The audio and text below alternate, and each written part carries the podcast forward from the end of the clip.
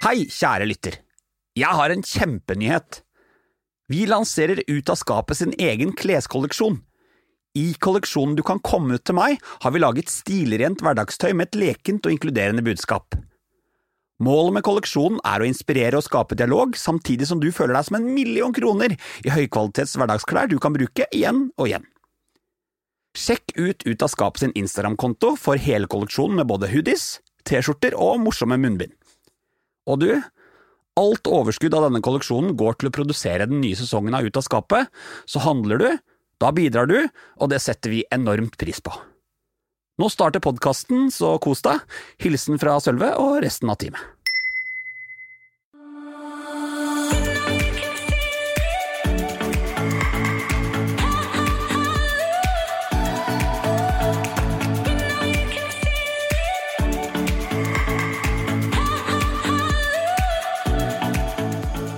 Hei, Ut av skapet-lytter. I dag treffer du Arve Juritzen i Ut av skapet. Eh, Så jeg liksom fikk en plass i denne fødselen, da, og Aida ble født inn i mine armer, og så kuttet vi navlestrengen, og så vasket vi, og så var det henne og meg på et lite rom hvor, hvor hun noen minutter gammel lå og lugget meg i hårene på brystkassa mi. Arve var Norges største TV-personlighet. Han startet den evige suksessen TV 2 hjelper deg. Han var svigermors drøm i Vil du bli millionær, og han har levert prima TV-underholdning i mange år. Så forsvant Arve fra skjermen. Arve, han ble pappa. Alenepappa.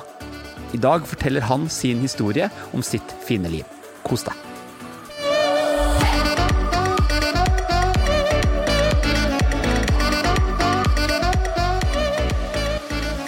Hei, Arve. Hei, Velkommen i podkast. tusen takk, veldig hyggelig å bli spurt.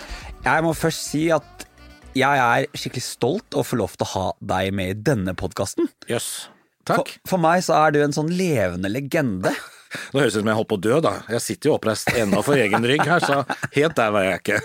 Ja, ja, jeg sa det litt sånn i stad når vi satt og skravla, men jeg bare, når jeg sitter her nå, så tenker jeg bare til tilbake til en sånn tid hvor jeg satt hjemme i sofaen eh, sammen med moren min og skulle velge om jeg skulle ha 50-50 eller skulle ringe en venn. Hva gjorde du for noe? Nei, jeg valgte ofte 50-50. Hadde ingen venner, eller? nei, nei, i hvert fall ikke som jeg kunne ringe, for de hadde ikke noe å bidra med, si. Nei, der ser du. Nei, sånn er det. Du, hvordan er livet ditt om dagen? Nå er det veldig, veldig gøy. Jeg er jo en sånn person som skifter det jeg driver med i hvert fall hvert tiende år. Som regel sånn, ja, når det er nuller bak, så 19 og 20 og sånt. Hvert tiår heter det. Eh, Så nå har jeg, jeg har solgt bokforlaget mitt, som jeg holdt på med da tre år på overtid, 13 år, burde slutta for tre år siden. Eh, Og gått tilbake og skal produsere TV og film igjen, og det, jeg kjenner bare det er kjempedeilig. Det er, jeg savna produksjonsmiljøet, savna menneskene, det er på en måte min stamme, kjenner jeg nå. Så jeg har kommet litt hjem, så jeg er full av nye ideer og full fart og Nei, jeg gleder meg. Det er gøy å komme tilbake til TV også, fordi nå er det en helt ny teknisk situasjon. Uh, og så tenker jeg at søren heller, jeg er ikke helt sikker på om alle nye tekniske mulighetene er tatt i bruk, så nå ser jeg, ja, jeg ser noen, uh, noen hull som jeg har tenkt å fylle. I dag skal vi prate litt om deg, og det gleder jeg meg til, fordi at eh, jeg har lyst til å komme litt sånn Går det an å si under huden på deg? Det er jo Du er jo homofil, men det er umulig å finne noe om deg hvor du uttaler deg så veldig mye om det. Jeg har forstått at du Du sa til meg når vi snakket sammen i researchen i går, at du er ikke så opptatt av det at du er homofil skal definere deg, stemmer det? Ja, altså nå finner du ikke altså, En ting først. Eh, Det er ikke så mye om meg som homofil, fordi at jeg har aldri blitt spurt av sånne som deg som lager podkaster eller noe annet fra det organiserte homolivet. Eh, Og så kan jeg, altså jeg er ikke sånn som klager, jeg kunne sikkert bare meldt meg på tog og gått der sjøl og, og, og gjort alt mulig rart. Men jeg har på en måte aldri sånn blitt dratt inn i det miljøet, eller ingen har ønsket meg der. Uh, tror jeg, jeg vet ikke. Så, så derfor så har liksom ikke jeg Det er ikke noe at jeg ikke vil, men jeg har bare aldri blitt spurt. Jeg ble spurt én gang av et hosteblad før, og det var hva slags bil jeg hadde, og jeg tenkte at ja ja, eh, hvis det er det viktig, så skal jeg alltid svare på det. Så det er ikke noe motvilje med det, men rent personlig så er ikke jeg homo først og menneske etterpå, eller homo først og jobb etterpå. Jeg er, altså det å være homo er jeg, jeg, jeg er utrolig heldig, da, for det har aldri vært noe big deal for meg. Nei. Ikke det at det ikke var vanskelig å komme ut og alt det der, men, men jeg har liksom aldri, det har aldri definert meg. Det er liksom aldri at åh, jeg er homo, så trist, eller nei, nå kan jeg ikke få barn, eller nei, nå får jeg i hvert fall ikke jobb. Jeg har tatt litt hensyn til det å være homo i karrieren min, på hva jeg har gjort og ikke gjort, og når jeg har fortalt ting, ikke fortalt ting. Men sånn personlig så har det der eh, Det har liksom ikke vært noe issue for meg, og det er jeg jo superglad for, for jeg vet jo at det er jo fortsatt mange som sliter med å, å finne ut og erkjenne og akseptere at man er homo, da. Du, la oss eh, bygge en god historie rundt det her. Fortell meg litt om hvem du var når du var liten. Da kan du få velge barn eller ungdom. Jeg var et uh, snodig barn fordi jeg bodde sånn helt ytterst i skolekretsen, altså så langt ut du kan komme fra der hvor det var noen andre på min alder, så jeg måtte finne på ting sjøl. Uh, og det har jeg gjort siden jeg var bitte liten, og jeg har alltid hatt sånn business-gen. Altså foreldrene, foreldrene, mine måtte spille bingo for å få tilbake tøfler og mel. Og da jeg bodde så var det ikke noe butikk, så når jeg dro til byen, den store byen Drammen, uh, så kjøpte jeg masse masse godteri, og så solgte jeg for dobbel pris til unga i gata. Så jeg, sånt har jeg holdt på med. Lagd kino. Jeg, liksom, jeg var utrolig sånn oppfinnsom. Kremmer, liksom? Ja, det også. Jeg vet ikke hvor det kommer fra, fordi jeg har ingen i familien min som verken var så veldig Nå hører de ikke på her, så jeg kan si det. Var ikke så veldig oppfinnsomme noen av dem. Ikke noen kremmer heller. Uh, så jeg, jeg ble Jeg holdt på å si jeg tror jo da på når vi fødes, så er det klart at arv og miljø er viktig, men jeg tror at vi også fødes med en koffert fra et eller annet sted, eh, tidligere liv. Altså vi har med oss en koffert full av muligheter eh, som gjør at hvis du åpner den, titter nedi den, så kan du på en måte bli hva du vil. Du har jo masse med deg. Sikkert negative ting i mange folks kofferter også. Men eh, min var full av, av bare pågangsmot og kreativitet og finne på ting, så jeg Eh, og så hadde jeg litt flaks, det må jeg også si, fordi eh, da jeg vokste opp orker ikke å si når det var, men det var på 70-tallet, det er noen dere har hørt om det. Eh, så var det, Da jeg bodde, så var det to, én ting som gjaldt, og det var fotball. Det var Mjøndalen, og det var Strømskose som liksom lå på toppen. Så alle sparka fotball, og det fins ingen i hele verden som har prøvd å sparke så mye fotball som jeg har prøvd, uten å få det til. Det lå ikke for deg? Helt umulig. Så hadde jeg Egil, gymlæreren på ungdomsskolen, som kom bort og sa Arve, dette her, jeg ser du alltid siste valg, og det er ikke noe gøy for deg, og det er ikke noe gøy for de som får deg på laget heller. Vil du lage skoleavis?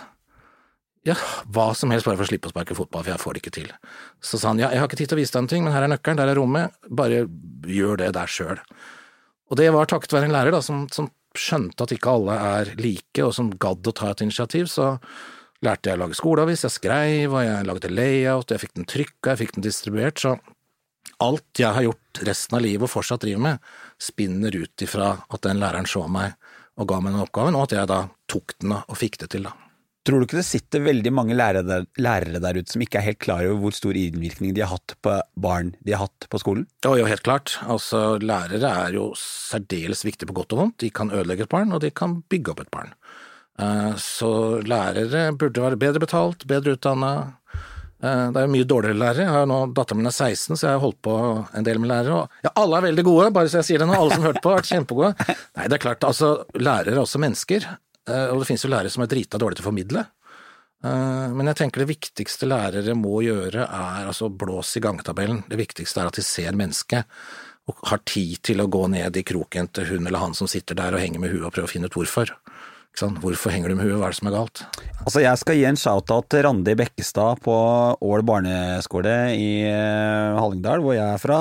Hver gang jeg løfter en penn, jeg har nemlig veldig pen håndskrift, mm -hmm. så tenker jeg på hun. Hun tvang oss til å skrive løkkeskrift i to år lenger enn alle de andre klassene. Ja. For hun var så opptatt av at alle skulle ha pen skrift. Så alle gutta i klassen min, og vi var vel syv stykker i den klassen, har veldig pen håndskrift. Takket være Randi Bekkestad. Og den har du godt brukt for nå? Ja, ja, jeg skriver fortsatt, jeg. Ja. For hånd? Ja, fordi jeg setter i gang kreative prosesser, vet du. Du er en gammel sjel, du altså. Ja, ja. Trykte bøker og håndskrift, dette er bra. Nå nærmer jeg meg midten av 30-åra, vet du, Arve, så nå har jeg begynt å kjenne på alderdommen. Ja, det skjønner jeg. Bare, dette kommer ikke til å gå bra. du, når det var første gangen du kjente på litt annerledeshet, og det kan bety mye? Han het Tom, han satt ved siden av meg i gymmen og hadde utrolig vakre ben. Tom? Tom. Og hadde pene bein? Pene bein. Spilte han fotball? Ja, ja, alle spilte fotball. Hvor gammel var du da? Uh, Cirka? Nei, dette var ungdomsskolen. Første år på ungdomsskolen, tenker jeg. Så kjente jeg at hvorfor i all verden ser jeg på det? Altså, Men jeg var utrolig ja. seint ute, da. Altså, noen setter jo i gang med seksualitet og tjo og hei tidlig. Der var jeg utrolig treg, så jeg skjønte ikke helt hva de der bena betydde. Uh, og det tok lang tid før det skjedde noe annet også, men, uh, men det, det, bildet har jeg helt klart i hodet mitt. Er det liksom Ja, det er det første minnet som du tenkte at her er det noe som er litt annerledes? Jeg tenkte jo ikke på det da, jeg bare tenkte at han hadde fine bein. Altså, nå sa du det sjøl, vi snakker jo ikke om at uh, her refererer vi da til Er vi på 80 nå, eller? Har vi kommet oss opp der? 70? Uh, skal vi se hvor gammel er du når du går på ungdomsskolen, da? 15? Ja, da var det Nei, du må ikke spørre om sånn 75. Jeg er sikker på foreldrene dine var jo ikke født engang på 75. Det er ikke så langt Ja, nå har unna. jeg ikke snakket med om alder. Vet du hva, alder er bare et tall, Ja. ikke sant? Nå legger vi bort alderpraten. Det jeg lurer klart. på, Jeg er 14 i huet, og det er det viktigste. er det vanskelig Var det noen forbilder? Visste du hva det og, Altså, nå har man jo Nei, nei, nei, er flere, for det fantes det noen homofile, eksempel? Nei, nei, nei. Nei, da. nei. Altså, det første så var jeg jo ikke Altså, jeg skjønte ikke hva de bena betydde. Eh, etter hvert jeg begynte Nei, det var jo ikke det, ikke sant. Og hvis det var noen forbilder, så var jo det en vi skulle passe oss for. Ja. En oppe i gata, eller Per Aabel, ikke sant. Han var jo helt håpløs. Det kunne jo ikke man bli som han, liksom. Eh, det var jo sånne negative ting, da. Eh, så det var ikke noe Men igjen, altså. Jeg har vært så utrolig heldig med så mye. Jeg har ikke hatt behov for forbilder. Jeg vet at det er viktig for veldig mange andre. og hvis jeg kan, ved å sitte her, hjelpe noen til å tenke at hvis han har fått det til, så kan jeg få det til, så er det kjempefint. Men jeg har liksom ikke hatt behov for sånne forbilder, jeg. Hvorfor har du ikke hatt det behovet? Å, dette blir en sånn psykologitime, det er fint det. Gratis psykolog. Nei, fordi jeg tror jeg kan alt sjøl. Ikke sant? Og det høres jo veldig cocky ut, og det høres ut som sånn der du er innmari selvsentrert og alt det der, men, men, men jeg, det, altså min beste filosofi er Pippi. Du husker, ikke sant, Tommy og, og gjengen kommer og gir Pippi en trompet, og så spør Tommy liksom kan du spille trompet ut av Pippi? Ja, sier Pippi, det er klart jeg kan, jeg har jo aldri prøvd. Eh, og det tenker jeg er sånn, det er litt sånn som jeg også tenker at du kan jo ikke sitte og si at ikke jeg kan bli verdens beste racerbilfører, det vet jo ikke du noe om. Ikke jeg heller, for jeg har ikke prøvd. Uh, så den der naiviteten der har jeg alltid dyrka og vært så heldig å ha hatt med meg.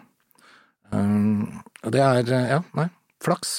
Ja, jeg syns det er veldig fint å høre. Er det sånn Var Tom din første sånn forelskelse? Klarer du å huske det? Nei, altså nå er ikke jeg en sånn, som, sånn romantisk som blir forelska. Eh, så det er liksom, jeg er ikke sånn som går rundt og surrer og, og, og, og blir sånn stup forelskende. Det er for meg en prosess. Altså det med å kjenne et menneske og Ja.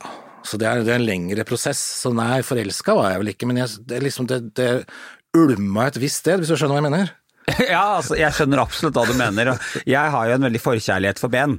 Sånn at jeg, har det, ja? ja? Ja, det, det kan jeg absolutt Hvem er var dine første pene ben, da? Jeg kjenner meg igjen i Nei, nå har jeg jo lovet at jeg ikke skal oute så veldig mange her i denne podkasten, men jeg husker veldig godt at jeg gikk i klasse med en håndballspiller som het eh, Han var fra Trondheim. Jeg husker ikke hva han het. Han var fra Trondheim, han var bare der ett år, og han var den beste på håndballaget og hadde veldig pene ben. Ja. Jeg tror det sånn første homogreiene jeg skjønte ordentlig var i militæret. Ja, ja. For det var jo helt vilt. Altså, der holdt jo alle gutter på med alle mulige ting, men altså heterogutter, da, ikke sant. Men det er jo ta på leke seksuelt og leke alt mulig. Der skjønte jeg at jøss, hva er dette for noe, da? Dette, dette så faktisk spennende ut. Uh, Så det var en slags sånn oppvåkning, åttemannsrommet på militæret. Madla i Stavanger, der skjedde det litt av hvert, altså. Kan du huske første du fortalte til at du var homo? Det er innmari godt spørsmål. Uh, altså, det burde jeg huske, det burde jo være viktig, men der ser du meg også. Nei, jeg, nei, nei, nei. Det, det var liksom ikke noe sånn ja, Du tenker komme ut, da. Altså, for jeg, når jeg gjorde researchen på deg, Ja. så, og da er det jo det første man blir sendt inn på da, det er jo Wikipedia. Det er jo den nummer én hit når du skal sjekke ut noen. Står det der, da? Der står det en del feil, Ja. som du korrigerte meg på i går. Bare så det er sagt, du burde gå inn og endre, du kan endre den hvis du vil. Okay. Men der sto det blant annet at du kom ikke ut før sent Altså, du kom ut veldig sent i voksen alder. Eh, og så sa jo jeg dette til deg på telefonen i går, og da var det veldig sånn Nei, det stemmer ikke helt. Jeg kom ut offentlig sent. Ja, altså, jeg har kommet ut av mangeskap mange ganger, jeg. Det er jo ikke noe sånn eh, Men, men sånn å stå i avisa og si det, det, det var jeg godt voksen, og det var det en grunn til. Eh, Fordi jeg hadde arbeidsgiveransvar, og jeg var programleder på TV, og det var navnet mitt på døra til firmaet, og jeg tok den rollen veldig alvorlig. Altså, det var mange mennesker som fikk mat på bordet takket være de jobbene jeg lagde. Uh, og jeg hadde jeg var programleder for noe som het TV2 Hjelper deg, som jo fortsatt går. Uh, mitt program, det har gått nå snart i 30 år. Kan du klappe for? Det er helt rått. Ja, det er rått, jeg er kjempestolt av. Men, men det var jo, og er jo, et program som kjører folk veldig hardt. Uh, Så skal du være ansiktet som jeg var da de første åtte åra for det, så må du jo være veldig ordentlig. Og det jeg er ikke noe glad i å være veldig ordentlig. Så det var ganske sånn tøff jobb utenom å være lage programmet, så måtte jeg jo være offentlig veldig ordentlig, da. Uh, og dette er jo også en stund siden, og da tenkte jeg at uh, det å stå fram da som homo, liksom, uh, er ikke helt forenlig med det programmet, og jeg vil ikke risikere at det mister seere, og at folk mister jobben sin. For det kunne du risikere ved å stå frem? Helt sikkert ikke, men i hodet mitt var det det. Var det sånn. Men, men det er jo også ganske interessant å se at den gangen da, så var det jo ingen offentlig i media programleder, i hvert fall ikke med de typer programmer og seertall sånn som jeg hadde. I dag er jo det å være homo nærmest sånn derre du skaffer deg jo jobb. Uh, altså det er jo Nevner ikke navn, men det er jo enkelte på TV nå som jeg tror bare er der fordi de er homo. De er jo ikke flinke. Uh, så det er jo snudd helt opp ned, og det er sikkert bra. Uh, men, men, men, jeg holdt igjen det, da. Og litt også fordi jeg hadde ikke noe kjæreste akkurat den perioden. Hvorfor skal jeg da liksom stå fram og si jeg er homo? Hva er poenget med det? Tenk hvor mange frieforespørsler du hadde fått. Ja, kanskje det, men når jeg fikk en kjæreste og vi hadde forlovet oss og alt det der, så var det naturlig å gå ut i avisene og media og fortelle det. Men du var jo svigermors drøm. Hva mener du med var? Du er. Bare, kan vi klippe det og ta det på nytt? Nei, men det var Altså, det er du jo. Og på TV-skjerm så tror jeg det satt mange der og eh, Det var satt mange potensielle svigermødre der og håpet at datteren dem skulle ta med seg deg hjem. Ja, det er jo interessant med damer. Det er jo en del damer fortsatt som tror at det aldri er for seint å omvende oss med homo. Jeg vet ikke, det sikkert merker du også. Det er ja, ja. jo det er et eller annet med et glass rødvin og en dame, så er det jo De skal jo få det til, så det er pågangsmot som jo er artig, men litt slitsomt.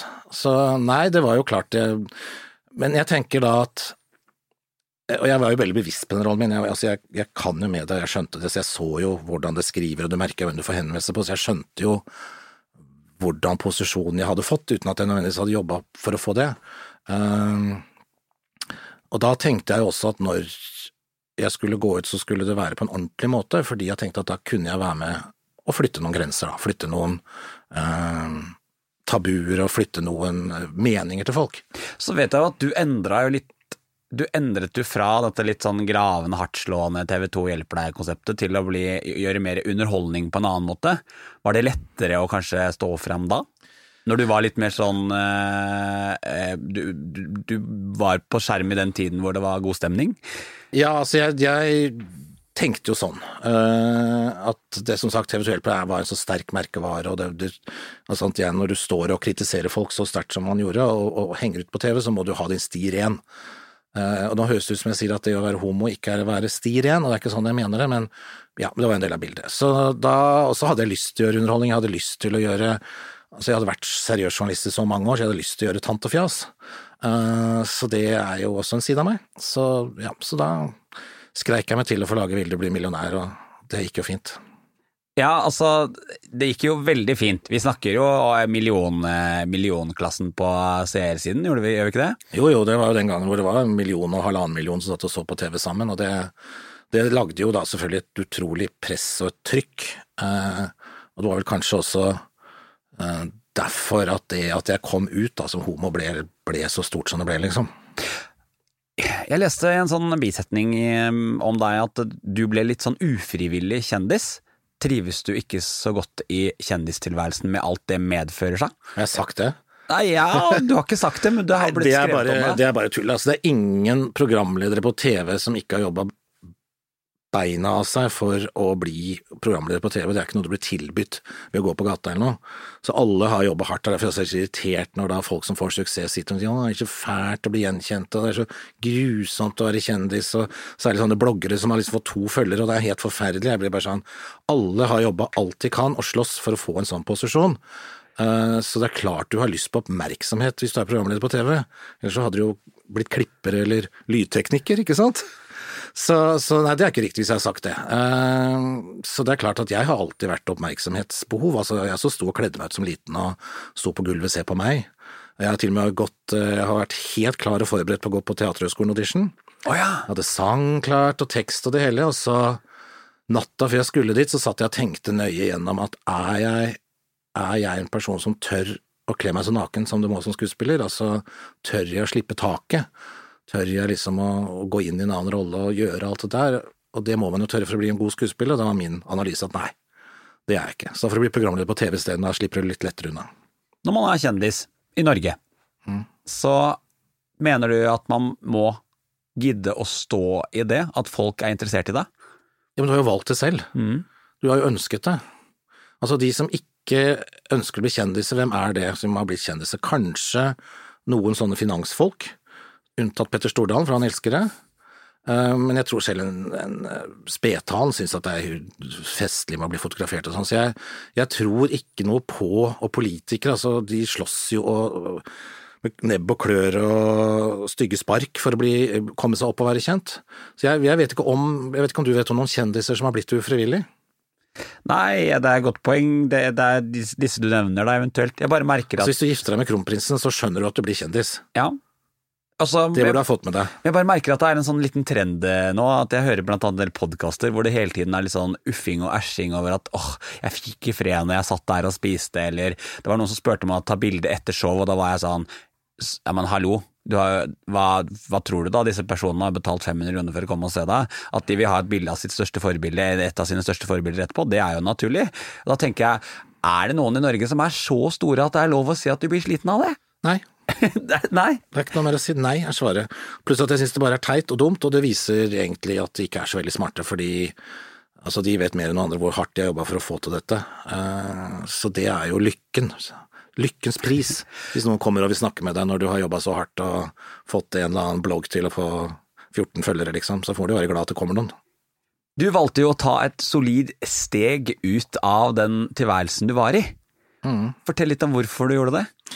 Altså, jeg er en person som blir lei, så da hadde jeg jobbet med TV i mange år, og så hadde jeg undervist programleder i mange år, så jeg visste jo dette med altså det stempelet bak i rumpa hvor det står best før, altså går ut på dato. Og det er fryktelig trist å se på alle kjendiser som sitter og ikke er kjendiser lenger, da har de i hvert fall klaging. Eh, så jeg hadde lyst til å gi meg på toppen, men hovedsaken var jo at jeg skulle få barn, eh, og jeg eh, ville da, for det første ville jeg være hjemme med ungen min. Jeg hadde pappapermisjon i to år, og helt fantastisk. Anbefaler alle å spare penger og, og ha pappaperm eller mammaperm i to år. Eh, og så var det litt at jeg hadde ikke lyst til at hun skulle vokse opp i sånn rampelys og sånn, da. Eh, og jeg hadde liksom også lyst til å ja, dette var liksom henne og meg, vår sak. Så, så ville jeg gjøre noe annet, så da var jeg fornøyd. Jeg hadde hatt en kjempefin reise, og det, altså, hvis jeg hadde vært sånn derre holdt på helt til uh, ingen orket å se meg lenger, så er det ikke sikkert jeg hadde sittet her, da hadde ikke sikkert folk hadde husket det, da hadde det ikke sikkert det var en fin historie, liksom. Nå er det en fin mimrehistorie, da. Selv om jeg ikke er noe glad i mimre. Du fikk jo barn via surrogati, mm. um, og det er det spennende å høre om. Og det er ganske mange som ikke har peiling på hva det egentlig er. Jeg bare slang det ut. Jeg sa at jeg skulle intervjue deg, og sa, det, sa at vi skulle snakke om dette til en kompis i går. Og han bare ja, ja det er litt sånn som adopsjon, sa han. Og da, da tenkte jeg, der beskrev han akkurat hva som er problemet, at folk ikke vet hva surrogati er, er for noe. Har du lyst til å si litt om hva det er? Jeg syns jo det er overrasker meg veldig etter Altså, datteren min er nå snart 17, og hun var vel kanskje det første barnet som var født ved hjelp av en surrogat her i Norge. I USA har man holdt på med dette kjempelenge. Eh, nei, surrogati er jo først og fremst for å hjelpe heterofile par der kvinnen ikke kan få barn. Et eller annet fysisk med henne, slik at hun ikke kan føde barnet. Så får man altså mannens sæd blandet enten med konas egg eller en eggdonors egg, og så planter man dette inn i en surrogat, altså en annen kvinne som bærer fram barnet. Den kvinnen har jo ikke noe, noe, biologisk med det å gjøre, det er jo ikke sånn at eh, Altså, det er alltid egg fra en donor, eller fra den kvinnen da som ikke kan få barn. Fortell meg om din prosess. Altså, jeg... ja, så er det jo så mange homofile menn da som nå etter hvert har skjønt at dette er jo noe Vi kan få drømmen vår, vi også. For meg var det ikke en drøm engang. Altså, jeg har alltid visst at jeg skal ha utrolig mange unger og en stor familie. Eh, for meg har ikke det vært noe sånn skal jeg ikke ha det, liksom? Det er For, klart jeg skal, selv om jeg er homo. Surrogati, det er ulovlig i Norge. Stemmer det? Ja, nei, nå begynner det å bli lovlig. Ja. Eh, nå er, eller Surrogati er ikke lovlig, det kommer til å skje snart. Nå er eggdonasjon lovlig. Hva er forskjellen her? Nei, altså, I Norge så er det sånn, hvis du som mann ikke, sæden din ikke funker, ja, så kommer staten og gir deg og kona di sæd. Ja. Det er gratis, og staten ordner opp, og dere får barn via en sæddonor. Hvis jeg har en kone. Hvis du har en kone. Ja. Det er vanskelig, for det er foreløpig å føde barn, men det skal nok sikkert ordne etter hvert. Hvis jeg hadde en venninne, da? Nei, altså det er, men det er sånn det er. Men hvis da den eh, kvinnen da eh, ikke får barn, ja så er altså fram til nå nettopp vært forbudt å donere egg. Slik at altså, man sier at fars sperm er ikke så viktig, men mors egg det kan vi ikke ha som donasjon. Nå rota jeg dette til, jeg vet at jeg gjør det veldig komplisert. Jeg går tilbake igjen, og så spør du spørsmålet på nytt igjen, hva er surrogati? Jo, det er altså når du får hjelp til å føde et barn. Eh, Og jeg da som en mann hadde jo noen valg når jeg hadde lyst til barn. Jeg kunne få det med en venninne. Det tok ikke jeg sjansen på, og jeg vet en del andre som har tatt sjansen, og det blir jo ganske vanskelig, for denne venninna kan enten hvis hun er hetero få seg en mann, eller hvis hun er lesbisk få seg en venninne, og så blir det rot. Eh, Jeg ville være Jeg ville ha hovedansvaret for mitt. Alene. Ja. Nei, jeg var ikke alene. Altså, jeg var, hadde jo en kjæreste, vi var jo forlova, vi begynte en prosess, og Ja. så rakna det forholdet, og da var det helt naturlig for meg å fortsette alene. Det var ikke noe tvil. Jeg lurer på en ting. Altså, når du da skal velge eh, en surrogatmor, er det, får man da liksom et kartotek, da, eller? Med, med kvinns? Altså, surrogatmor, det ordet bruker du ikke. Å nei! Det heter ikke fordi at det har alt annet enn mor å gjøre, og det er et ord jeg jobber hardt for å få til norske språk, det heter surrogat. Men det var bra at du retta på meg der, for det ordet har jeg, har jeg, det dukker opp støtt og stadig. Støtt og stadig, og jeg reiser meg opp og sier slutt å si det. Det heter surrogat, punktum. Ja. Jeg holder på nå med en lang krangel med NRK som holder på å lage en dokumentar rundt dette. Jeg sier at dere må ta ut det ordet surrogatmor, for det er altså alt annet enn en mor. Ja, for- ja, for det, ja, Ja, og godt det er poeng. fordi at den kvinnen som er surrogat, altså som føder barnet, hun er jo da ikke biologisk mor til dette barnet. Men hvordan finner man det ut? Jo, altså, jeg brukte jo seks år på denne prosessen, så jeg sier ikke at dette er lett. Eh, Nå er jeg veldig tidlig ute, jeg var kunde nummer to i et byrå i USA som nå er det største i verden, så jeg liksom måtte gå opp noen løyper og, research.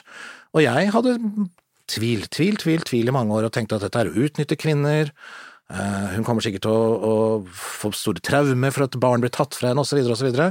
For meg løsna alle disse fordommene når jeg var på en sånn stor konferanse i USA for surrogater, hvor jeg møtte mange hundre av de, og så at dette er jo ikke kvinner som blir undertrykka. Dette er jo ikke kvinner som ikke vet hva de gjør. Nesten alle surrogatene i USA jobber innenfor helsevesenet. Min surrogat kjørte ambulanse. Eh, og det er da kvinner som For det første må de ha født barn selv før. Og så er det kvinner som vil hjelpe noen, spesielt de da som sier ja til å hjelpe homofile menn, føler jo at jeg kan bidra til å gjøre noen andres liv bedre, jeg kan bidra til å skape liv. Så dette er jenter som, som er eh, veldig tydelige på hva de gjør. Nå skal det sies da at eh, nå snakker jeg om USA, hvor surrogati har holdt på i mange år, hvor det er regulert, hver part har advokater, du går inn til en domstol som ser på dette, det er psykologer involvert, det er et stort apparat rundt det, derfor det også koster litt. Eh, andre land, jeg vet Russland og vi har sett nå India og en del andre land, har ikke den reguleringen, så der kan ikke jeg sitte og si at surrogati er tipp topp. Men når det gjelder USA, så kan jeg si at der er Din dette opplevelse er god. ja, og alle andre som har vært i USA, for der er det ordentlig regulert. Eh, Det som er rart, da, for å svare på spørsmålet ditt, er at eh, der hvor du på en måte må sitte og finne eh, kvinnen eller jenta, er jo eggdonoren, som altså skal være halvparten av livet til barnet ditt. Det syns jeg var veldig ubehagelig. Og da sitter man, ja, man sitter og blar i en online-katalog. Ja, for jeg bare tenker Altså, jeg satt og prøvde å sette meg liksom inn, uten at jeg kan gjøre det, for jeg har ikke vært der, men prøvde å sette meg inn, og så tenkte jeg jeg tror jeg hadde blitt litt gæren av å sitte og bla, og så var det sånn å, litt av der og litt av det, for man sitter, altså, man sitter vel bare og ser på et menneske. Ja, det er en veldig ekkel prosess. Jeg Ja. fikk det ikke til, og jeg la det bort mange ganger og syntes at dette stopper meg, for dette Det er noe rart her. Og så tenkte jeg at ok, hvis jeg hadde vært hetero, hvordan har dette skjedd da? Jo, da hadde jeg sikkert sittet i en bar eller på en konferanse, og så hadde jeg kikket rundt i rommet, og så hadde jeg sett at ja, hun der har jeg lyst til å prate med, hun var fin. Et eller annet, ikke sant? Hva er fin? Det, kan det er ikke sant hva som er fint for deg, noe annet for meg. Så det er bare denne kjemien, dette man ser noens ansikt og øyne. Så jeg tok den vrien, altså her sitter jeg i en bar, og da så jeg noen som tenkte ja, hun kunne jeg tenkt meg å gå bort og prate med. Og så ble det sånn.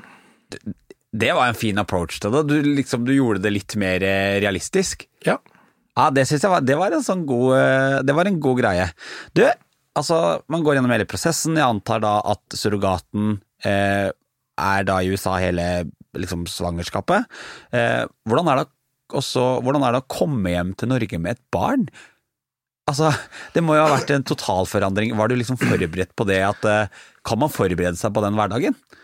Nå var jeg så heldig at jeg hadde økonomi til å kunne reise til alle doktoravtalene i USA, så jeg var med på hvert eneste lille millimeter av dette svangerskapet. Eh, så ultralyd, og det korteste oppholdet jeg tror jeg hadde i USA var på fire timer. Eh, så, så jeg var jo Og det var en veldig viktig prosess for meg, jeg vet at alle ikke, kan ikke få til det.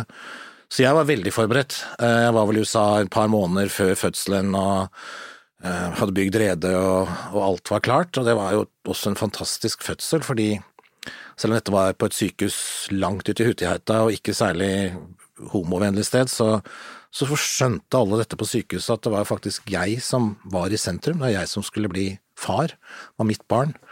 Eh, så jeg liksom fikk en plass i denne fødselen, da, og Ida ble født inn i mine armer. og så kuttet vi navlestrengen, og så vasket vi, og så var det henne og meg på et lite rom hvor, hvor hun noen minutter gammel og lugget meg i hårene på brystkassa mi. For det var det første, altså deg var den første hun kjente? Ja. Så flott. Det skulle bare mangle, jeg er jo faren.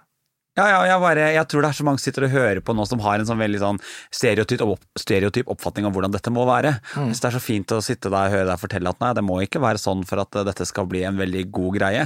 Hvordan er det å være alenepappa? Det er ikke noe jeg anbefaler, det er ganske klønete og krevete, krevende. Eh, det å være alle som er foreldre, aleneforeldre, vet at det er Da skal du plassere deg selv ganske langt bak i køen. Eh, men på den andre siden så kan man si at det er også litt deilig, for du slipper å krangle med den andre partneren om, eh, om barneoppdragelse og hvem som skal gjøre hva om alt. Så jeg har hatt en fantastisk reise disse 16 årene som jeg virkelig ja, det er det viktigste i livet mitt, og alt annet jeg har gjort. Det er kanskje derfor jeg liksom, når du sitter og snakker disse TV-ting, tenker at jeg tenker jo ikke på det, for det er liksom så uviktig. Det er så lite i forhold. Nå vet jeg når du snakker om barn og sånn, så blir det bare klisjé på klisjé på klisjé, men, men sånn er det. Så det der å holde et lite barn og vite at dette barnet er 100% avhengig av deg for at det skal gå bra, uh, og vært da på en reise til nå en, en, fin ung kvinne som står der og kjører ut i verden selv, det har vært fantastiske år. Og så kan man si at ja, jeg har ikke hatt noen kjæreste de årene, fordi jeg har valgt å ikke ha. Uh, jeg har liksom satt mitt liv på hold, men For du valgte å være pappa? Ja, det var ditt fokus? Ja, altså igjen valg. Altså det, er bare, det er klart jeg skal ha barn, klart jeg skal bli far. Altså det, det, hvorfor skulle det at jeg er homo stoppe meg? Jeg vet at det er så lett å si, men, men i hodet mitt så har det alltid vært sånn. Så, så de, det å på en måte Men, men du, du, skal ikke få barn. Altså Jeg også ventet jo da seint i livet til jeg fikk barn, jeg var 43 år. Mm. Uh, og det hadde helt sikkert vært mye bedre å gjøre det før, men jeg visste også at jeg måtte gjøre min karriere. Jeg måtte gjøre mine egoting. Jeg måtte liksom Jeg, er jo veldig ambisiøs, så jeg skulle jo bli den der beste på TV. Uh, og så blei jeg det, for å skryte, og da var jeg klar. Så, så, det vil jeg også anbefale hvis noen tenker på dette, at du må gjøre egoreisa di, du må være ferdig gå på byen på disko, du må liksom ha klatra i fjelltoppen eller jeg vet ikke hva du skal. Uh, du må ha gjort de tingene før du får barn, for det å få barn er 100 tiden din. Og, og, som jeg også sier, at barneoppdrag er, ikke så innmari vanskelig, for det er ubetinget kjærlighet og masse tid, men du må ha rom for de tinga, da. Tror du at den her tanken alle ha, Det er veldig mange som har den tanken om at alle må ha en mor og en far. Det er mange som har den tanken. Tror du de ikke forstår at du som far alene kan gi barnet ditt alt det barnet trenger? Det er klart at å vokse opp harmonisk i et pent hus med en fin hage med en lykkelig mor og en lykkelig far, er helt sikkert best for alle barn. Nå er skilsmisseraten på over 60, tror jeg. I hvert fall toucher 60 snart, og det er bare de som gifter seg, alle de andre har vel ikke noe tall på.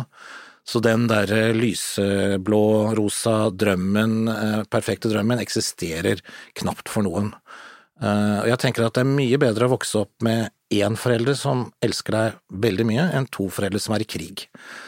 Eh, så dette er jo helt individuelt. Eh, men at pappa er mer enn god nok, at du ikke trenger en mamma, det prøver jeg, da har jeg prøvd hver dag å være et bevis på. Og det er klart at det har gått fint. Nå har datteren min sagt noe om disse tingene. Hun valgte å gjøre et intervju med VG nå i sommer. Eh, jeg får jo håpe at hun er ærlig der, og det kjenner jeg henne så vet jeg at hun er blodig ærlig. Så, så det, det, er Hun har jo sagt, jeg kan jo sitere henne, at eh, hun har ikke savnet en mamma, men hun har kanskje savnet av to foreldre. Ja. For det er klart at én forelder skal jo både være den strenge hånda og hånda som trøster. Og det kan være litt krevende for begge parter noen ganger. Har du noen gang kjent på at du må på en måte overkompensere på en måte? Har du noen gang kjent på det presset at du har vært alene? Sånn som altså, I situasjoner som foreldremøter, alt sånt der, er, er, det, er, det, rart, liksom? Er det rart å bare si du, det er bare oss? Hvor mange ganger må du komme ut på vegne av datteren din og forklare? Nei, når, når Aida ble født, så hadde jeg tre valg, for da hadde jeg tross alt vært liksom nummer én på TV-skjermen, og alle visste hvem jeg var, og det sto i alle aviser at jeg skulle ha barn. altså det, Igjen, stakkars kjendiser. Det var jo liksom, hun var jo født flere ganger i ukepressen før det skjedde. Uh, så jeg hadde tre valg. Jeg kunne flytte til utlandet, eller så kunne jeg gjemme meg i Norge, eller så kunne jeg være åpen og fortelle om det. Og da valgte jeg det siste, og jeg hadde en sånn spalte i VG som het Pappaliv eller noe sånt, jeg husker ikke. Og jeg skal jeg trua VG til å ha den på trykk hver eneste lørdag, for jeg tenkte at ok, her er strategien, men nå skal jeg skrive og snakke om dette til folk er så dritlei at ingen orker å prate mer om disse tingene. Det funka jo dårlig, da, vi sitter og prater om det fortsatt, men, eh, men min historie var jo veldig kjent, da, ikke sant. Altså, når jeg kom på foreldremøtet, så visste jo alle om dette, på godt og vondt, liksom. Eh, og så er jeg veldig åpen og sier da, reiser meg opp og sier at dere som lurer på noe, må spørre. Det må vi snakke om, bare spørre. Eh, og det er jo det viktigste, altså hvis man på en eller annen måte representerer en minoritet, måtte være seg hva som helst, så, så, må du ta jobben med å slå på glasset og reise deg opp og si ok, her er jeg, dette er min historie, uh, sånn er det. Er det noen som lurer på noe? Så må du jo ha hatt en del, altså du har jo hatt en del sikkert eh, tøffe prater med andre, men jeg antar at du på et eller annet tidspunkt også har hatt den praten med datteren din. Hun må på et eller annet tidspunkt ha begynt å kanskje reflektere det er jo bare oss, hvorfor er de to, hvorfor er vi én? Åpenhet, åpenhet, åpenhet. Altså Når jeg valgte donor, så kan du Veldig mange donorer er jo anonyme. Du får et ansikt og mm. lite grann. Jeg visste at hvis datteren min ble noe som helst i nærheten lik meg, så ville hun være så nysgjerrig at dette vil hun vite. Så jeg har en åpen donor som jeg har møtt og kjenner og korresponderer med, og det fins bilder og film, og, og, datteren min kan møte henne når hun vil. Uh, så det var viktig for meg, men, men der har Aida vært veldig tydelig og sier at nei takk, det har jeg ikke lyst til, for det kommer ikke til å forandre noen ting. Uh, men igjen, altså åpenhet i om du har barn som er sånn eller sånn, eller foreldre som har den eller den hemmeligheten, så man må bare snakke om det. Altså, ting er så ufarlig når du først har sagt det høyt. Det er noe som slår meg med Aida, og spesielt etter at jeg leste intervjuet, at hun er en tøffing. Ja, det også. Også, eh, og, og, veldig Altså, hun er nå 16, stemmer det? 16 og et halvt, ja. 16 og et halvt, og, eh, og hun er rimelig reflektert til å være 16 og et halvt. Tror du at dere har hatt mange Eller har det vært mye samtaler hjemme hos dere? Absolutt, og det er klart, jeg har jo alltid behandla henne og andre barn som mennesker som både kan tenke og konkludere og finne ut av ting sjøl. Altså, det kan barn veldig tidlig. Uh, altså Vi undervurderer jo barn nå. altså Husk på, det er ikke mange år siden altså en 15-åring hadde jobba i flere år. ikke sant? 17-åringer giftet seg. altså De var voksne så mye tidligere. Så jeg sitter i barnehager ofte og tenker, når jeg var i barnehagen, tenker at kan du ikke snakke ordentlig til disse ungene, da? Må det være sånn derre tullebabyspråk, liksom? Ja. Altså, ungene dine vil jo ikke lære å snakke hvis du skal bli babybø, ikke sant? Så jeg har jo alltid behandlet henne med respekt og snakket ordentlig til henne og vært åpen om ting og forklart ting. Hatt gode samtaler. Det er jo spennende også, ikke sant. Altså, du lærer jo masse av barna dine, som jo ser verden på en helt annen måte. Hva er det tøffeste med å være tenåringspappa? Oh, nå må du utvide poden. Nei, altså, jenter er jo så slemme mot hverandre. De er jo så fæle og så ondskapsfulle, og de holder jo på på en helt annen måte enn vi gutta gjorde. Altså, ja, man fikk en lusing eller en ørefik, jeg vet dette høres veldig stereotypt ut, men jeg sitter nå, har sittet i mange år og tenkt på gud, så vanskelig dere gjør det for dere sjøl, og så begynner jeg å se litt på de voksne venninnene mine at hei sann, de holder jo på ennå. Så det var sånn damegreia. Nå får dere masse hates her, men eh, nei, altså tenårene for en jente i Norge i dag er jo tøft. Uh, og så er det jo klart, det blir jo verre, for det blir på en måte, hvis det er en konflikt på skolen, så går den jo ikke bort, for du har det med deg på sosiale medier, og alt lever jo videre, og uh, ja, altså de er jo online hele tida, så det er tøft å være tenåring i dag. Eh, og da tenker jeg at vi må bare være veldig tydelige på å støtte opp og fortelle. og Kjefting har jeg lite tro på, skriking har jeg ikke tro på, eh, men forklaring, eh, være tydelig, det er viktig. Og ikke minst nå er det drikking, og du skal ut på byen, og du skal alle de kjempeskumle tingene der. Det er ikke noe gøy som far, altså. Hva er du mest fornøyd med med det, med det du har gjort opp igjennom som pappa? Er det noe du tenker at der har jeg levert? Ja, på tid. Jeg har ryddet tid. Uh, igjen så har jeg vært så heldig at jeg startet et bokforlag og var min egen sjef. Altså jeg har hatt muligheter som sikkert ikke alle, alle har. Men igjen, jeg har ikke fått de mulighetene, jeg har tatt dem og jobbet med dem og skapt dem. Så tid er det aller viktigste, og det er jo det vi har minst av som foreldre, ikke sant. Uh, så hvis man klarer økonomisk å skaffe seg mer tid, så er det det, er det barn vil ha. Går fint å ikke få den buksa hvis du får tid. Hvilke egenskaper har datteren din som du ser opp til? Nei, hun er jo da reflektert, det syns jeg er viktig. Uh, og så tør hun å snakke om vanskelige ting, tør å snakke om fine ting. Uh, og det er jo veldig viktig når det bare er én foreldre. Altså det er, som jeg sier, det er jeg som skal sette grensene, men det er fortsatt meg hun skal komme til når det går gærent. Uh, så ha fått til den dialogen. Den står litt på prøve med en 16 års gammel jente, jeg må si det. Uh, men vi har et fundament der, så jeg tenker at det, det går fint. Så du gleder deg til tiden fremover? Ja, nå er det litt sånn, nå begynner jo jeg å skal ha tilbake og få tilbake litt av tiden min, uh, som bare handler om meg, egotid og sånn, og det er derfor jeg nå har skifta jobb igjen og går ut og, og, gjør litt sånn jobber som kanskje får oppmerksomhet og sånt igjen. Uh, fordi at nå har hun fått grunnlag, og hun suser rundt på egen hånd, og det skal hun få lov til. og så nå eh, plutselig ser jeg at oi, jeg sitter jo hjemme en kveld alene, liksom. Så nå må jeg ut og finne meg en kjæreste, og jeg må ut og få meg en ny jobb og kjøre på, nytt liv. Så det er, og det er midt i blinken for meg. Jeg elsker jo å starte med tomt bord. Jeg synes det gøyeste er å være gründer, eh, og, liksom alle muligheter er der, ikke sant. Altså du må hente bordet, du må finne kontoret, du må kjøpe blyanten eller PC-en. Eh, ja, det er sånt jeg digger, og sånt holder jeg på nå til dags. Da lurer jeg på noe. Hvordan er det å skulle være Skulle ut på markedet igjen nå? Som du er i Nei, altså markedet med, med boys. Altså, ja. er, det, nå er, din, er, vi nå i den andre ungdom, er det lov å si det sånn? Nei, jeg er fortsatt min første, jeg sitter fast. Jeg kommer ikke videre, dessverre. Der er litt, der, det er en av mine feil. Jeg sitter dønn fast. For det har jo skjedd en del ting de årene du har vært pappa, er det lov å si det sånn? Det er jo altså, datingapps, eh, sosiale medier det å, gå, det å, bare gå på bar og møte noen, det jo, gjør man jo ikke lenger. Du tror liksom at uh, folk på min alder ikke har datingapps og vet hva det er? Jo, jeg vet det, men syns du det er rart å kaste deg ut på det? Nei, jeg har vært der hele tiden, men det er ikke alltid man syns. oh, ja. Så du har liksom fulgt med? Jeg har fulgt med i timen. Så du har, har du lina opp et par liksom sånn potensielle? Nei, altså jeg Ja. Uh, det er mye jeg syns jeg mestrer, men dating og den der sjekkingen og det der syns jeg er dårlig på. Jeg syns det er så kleint det der å gå på kafé og skal møte noen, jeg synes det, er, altså det koster meg Jeg kan heller spørre meg om alt mulig annet. Jeg synes det er så ja, nei, håpløst. Jeg synes bare det koster meg så mye. Så jeg er kjempedårlig på det der. Og, og det er jo som du sier nå, altså det er jo ingen som møtes på bar eller møtes ute lenger, eller hos venner og sånt, tror jeg. Altså det er jo det er jo på en eller annen app, og så skal du kartlegge hvem som gjør hva, hvordan, og hva du mener og spiser og ikke sant, den der spørsmålsrunden.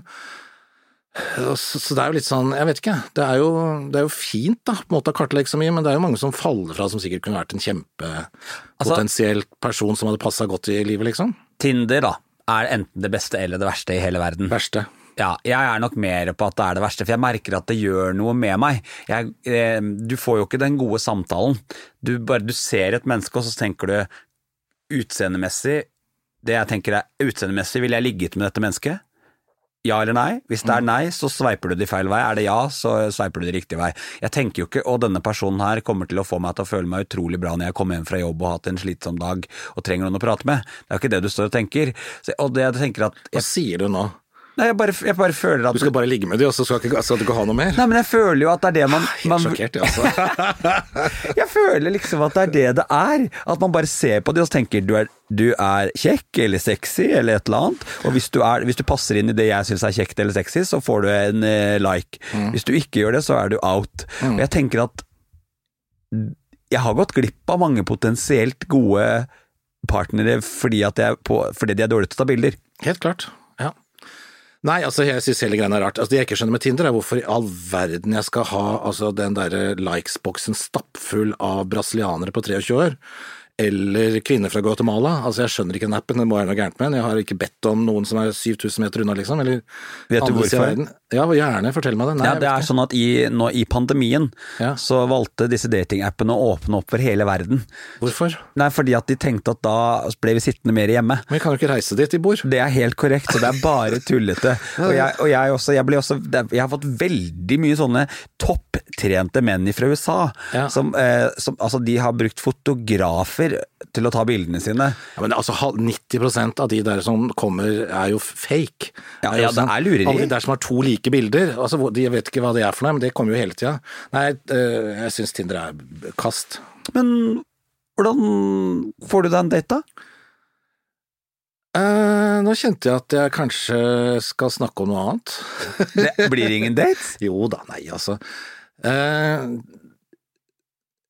altså, jeg har aldri fått så mye eh, henvendelser som etter at jeg ble godt voksen. Det er veldig rart. Uh, altså, jeg sender liksom at for hver kilo jeg legger på meg, så kommer det 20 likes. Det er veldig snålt. Uh, så jeg kan bare anbefale det. Grått hår og litt sånn Det tydeligvis har en eller annen uh, stor appell i det markedet der, altså. Ja. Så det må jeg si. Det er, men ja, det, de er jo liksom Kunne jo vært sønnene mine, da. Ja, altså ehm, nå, Jeg liker jo å sammenligne oss eldre. Mm. Du og jeg. Og jeg merker at når jeg passerte 30, så fikk jeg plutselig en veldig sånn oppblomstring blant de guttene som er sånn i slutten av tenårene. Da ble jeg veldig interessant. Bare vent, det, der bare, det bare kommer til å eskalere enda mer. Ja, det gjør det. Ja, altså Nå er det det eneste jeg De som liksom tar kontakt, er Uaktuelle, eller? Hva mente du med det? Nei, jeg vet ikke.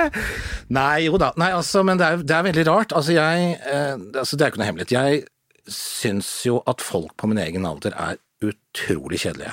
Og godt at du sa det, da. Åh, jeg syns altså folk på min alder er så kjedelige. Det er så satt, og det er så mye problemer, og det er så Alt er okk og stønn og uff og oi. Så jeg har jo prøvd nå da å gå på en del dater med noen som er nesten på min alder, bare for å liksom Men de er så kjedelige. Men Føler du at du gjør det fordi at du må, at det er det folk forventer at du skal gjøre, eller er det rett og slett fordi at du har litt lyst til å møte dem? Nei, Hvis du har lyst på et, et seriøst forhold, så tenker jeg at du får jo ikke det med en 19-åring når du er eh, din alder og eh, dobbelt. Eh, så det er jo liksom at hvis du skal finne noen som du tenker at ja, deg har jeg lyst til å reise på ferie med, så, så må det jo være noe mer enn som du sier sexappeal. Da må det jo ligge et fundament der. Da tenker jeg at de på min egen alder må jo være Jeg, jeg syns jo sjøl jeg har mye spennende og jeg er opptatt av ting, men jeg Enig? syns det er utrolig mye kjedelige ja, folk på min alder. Jeg vet ikke hva som skjer. Nei, slutter vi å leve? Er det det vi gjør? Nei, altså, jeg, det, vet det kan jeg ikke svare på igjen, så virker det sikkert så enkelt og cocky, men jeg eh, Jeg ser jo på bilder som tas av meg, og jeg har jo en speile, jeg ser jo at jeg ikke ser ut som jeg gjorde for noen år siden.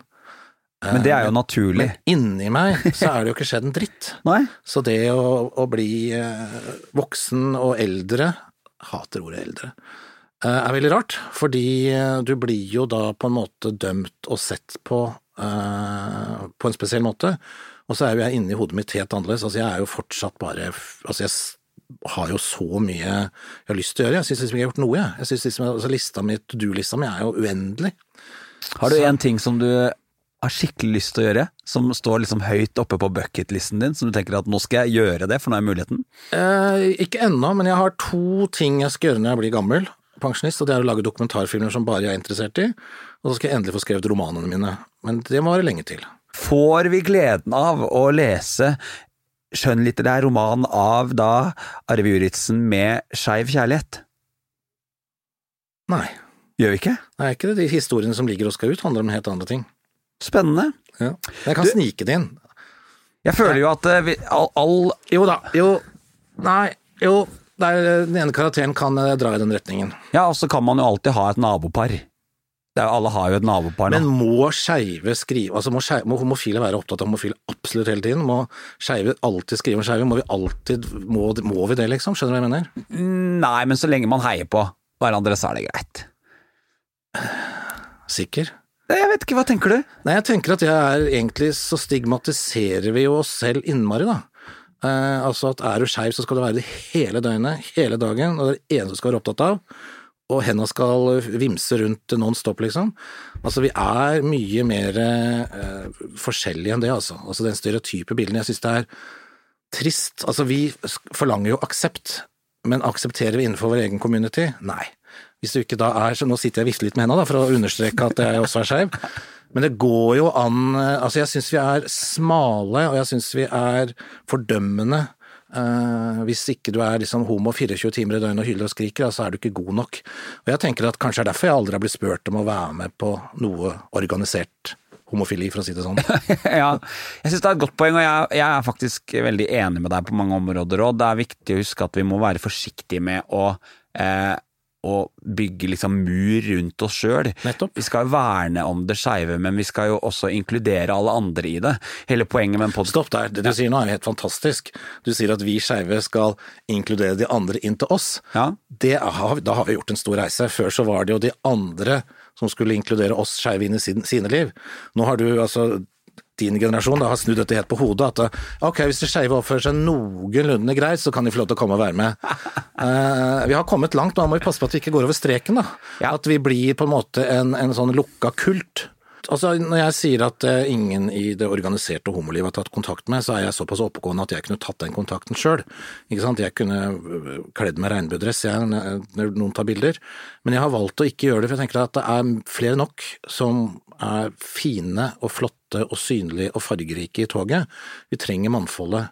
Da trenger vi noen som står i dress i et annet sted, ikke sant. Vi trenger eh, homofile som velger da å ha en allmenn arena, som ikke nødvendigvis bare lever ut denne homofilien i en organisert form, mm. men som velger andre arenaer. Så jeg har jo gjort dette bevisst, og tenker at jeg kan bidra best ved å være meg selv i For eksempel nå sitter jeg i Oslo bispedømmeråd, jeg har nettopp vært på, på Kirkemøtet, som er det øverste organet som styrer Den norske kirken. Jeg tenker det å være med på sånne ting, eh, å være synlig der alle vet, er viktig. Eh, og jeg trenger ikke å gjøre det med å ha på meg kjole.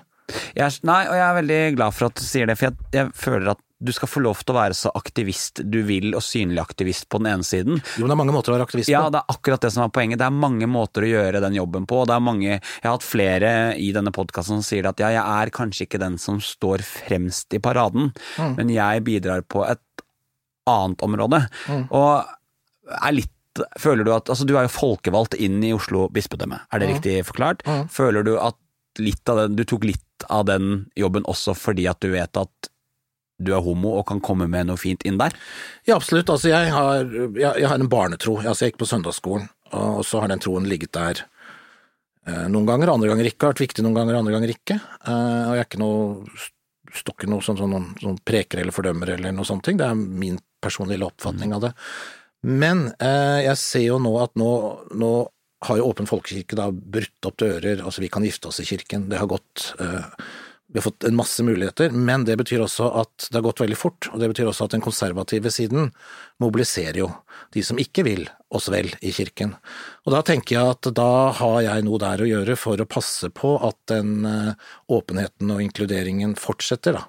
At man ikke kan prate det bort med at alle går i kjole, eller alle er så skrullete, eller alle de tingene der. At, at noen som har et annet uttrykk også skal være der. Så jeg har engasjert meg der fordi jeg er opptatt av at folkekirka skal være eh, åpen og inkluderende og ha plass for absolutt alle av oss. Kjenner du noen ganger at det gjør altså Du har sagt at dette med å være homo skal ikke definere deg og sånn, jeg skjønner det, men kjenner du at det rikker litt i hjertet når du sitter og må, må forsvare andre homofile i det organet du er? Får du litt vondt inni deg noen ganger at du, du, når du kjenner på disse holdningene imot, er det kjipt? Eller har du forståelse? jeg er nå så trygg på meg selv og har liksom stått i dette så lenge, så jeg kan ta den kritikken. Eh, og jeg kan forsvare de som ikke klarer å ta den kritikken. Det er klart alltid vondt å høre at noen andre syns uh, du ikke er bra nok, eller at du er et menneske de ikke vil ha noe med å gjøre. Men så tenker jeg bare at det er ett menneske, det er to mennesker, det er tre mennesker. Så jeg kan stå i det, og hvis jeg da kan bidra med den tryggheten jeg har i det, til at noen som sliter mer med det, uh, slipper det, eller hører andre ta igjen, så syns jeg det er fantastisk, og gjerne bidra. Du, du har så mye fint å komme med at her kunne vi sitte i timevis og skravla. Er vi ferdige alt? Ja, det er vi er ikke egentlig ikke, men det, det er dessverre sånn at eh, podkaster de har eh, sin levetid. Sånn avslutningsvis, avslutningsvis i podden, så pleier jeg alltid å spørre de fine folka som er med, om de har et godt råd å komme med til lytterne som kan gjøre verden litt mer, litt mer inkluderende, forståelsesfull og raus.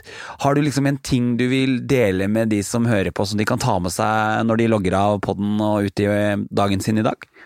Jeg har lyst til å svare på en annen måte, fordi det viktigste alle mennesker må ta med seg, er å tørre. Prøv, gjør det. Forsøk. Altså, det verste som kan skje, er at du får et nei, eller at du ikke klarer det. Men da kan du etterpå vite at vet du hva, jeg prøvde. Gjorde så godt jeg kunne. Eller altså, nå gjør jeg noe annet, nå finner jeg på noe annet. Så ikke sitt og hold igjen ting. Tørr. Og det handler jo også om å, å, være åpen rundt det at man er glad i noen av, samme kjønn. Uh, tørr å være det. Tørr å gjøre det. Så må man ikke. Altså, jeg tenker også at, at dette voldsomme, synlige uh, homosirkuset man må ikke være med på det heller. Det er ikke nødvendig å gå og kle seg i boa og tanga og gå i tog. Du kan godt være en stolt og fin homo også og gjøre andre ting. Så man må finne sin egen vei, finne sin egen plattform. Uh, og så bare prøve å være så ærlig man kan, for det er det, er det eneste du kan sovne med. Åh, oh, jeg elsker, jeg elsker det der. Du må bare tørre. Du, Arve, takk for at du hadde lyst til å være en del av podkasten Ut av skapet. Hyggelig å få lov til å være med. Tusen takk. Ha en fin dag, da. Tusen takk. Takk for at du hører på podkasten Ut av skapet. Det betyr mye for mange. Informasjon om dagens gjest finner du i episodebeskrivelsen.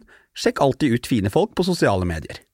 Denne podkasten er helt avhengig av deg, så er du glad i Ut av skapet, del om du lytter, og rate oss gjerne der du kan rate podkast. Jeg gleder meg skikkelig til nye skeive historier neste uke. Vi høres!